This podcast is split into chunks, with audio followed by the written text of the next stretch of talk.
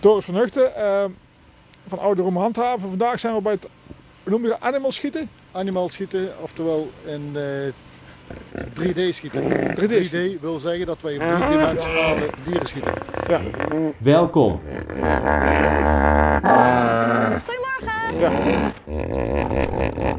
De komende paar minuten ben je in het hoogassociatieve en ogenschijnlijk parallelle universum van de absurdiste Roggeveen Olijdenhoek. Ga er maar voor zitten. Dit is seizoen 4. Het eerste wat in mij opkwam was een nijlpaard. Maar dat, dat lijkt me niet, dat lijkt me sterk.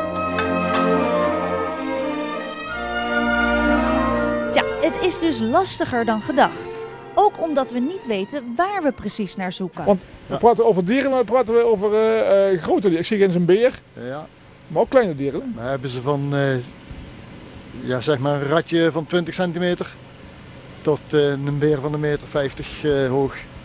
En die zie ik hier altijd liggen, s- staan. of Ja, liggen. het is de bedoeling dat je zelf ook een beetje moet eh, kijken waar die Oh ja. staat. Goedemorgen. Goedemorgen. Ik heb het idee dat ik de laatste tijd niet zo'n heldere kijk op het leven heb. Oh, wat vervelend. Nou, gaan we even kijken of dat echt zo is. Wat zie je hier? Ehm, een klompje cellen? Oké. Laten we even een oogtest gaan doen.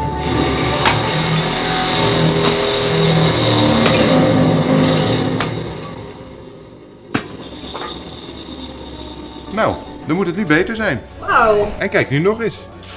ik zie menselijk leven. Precies. Oh, die staat daar. En dan kom ik bij de, een schildpad. Nou verwacht ik met schieten altijd dat je op konijnen schiet en herten, maar die ge- schiet op allerlei beesten, of niet?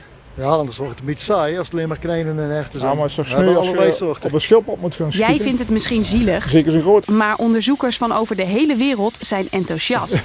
En het lijkt erop dat de schildpad veel te traag is. Maar dan Ja, ja. Die is raak. Dit was een treffer.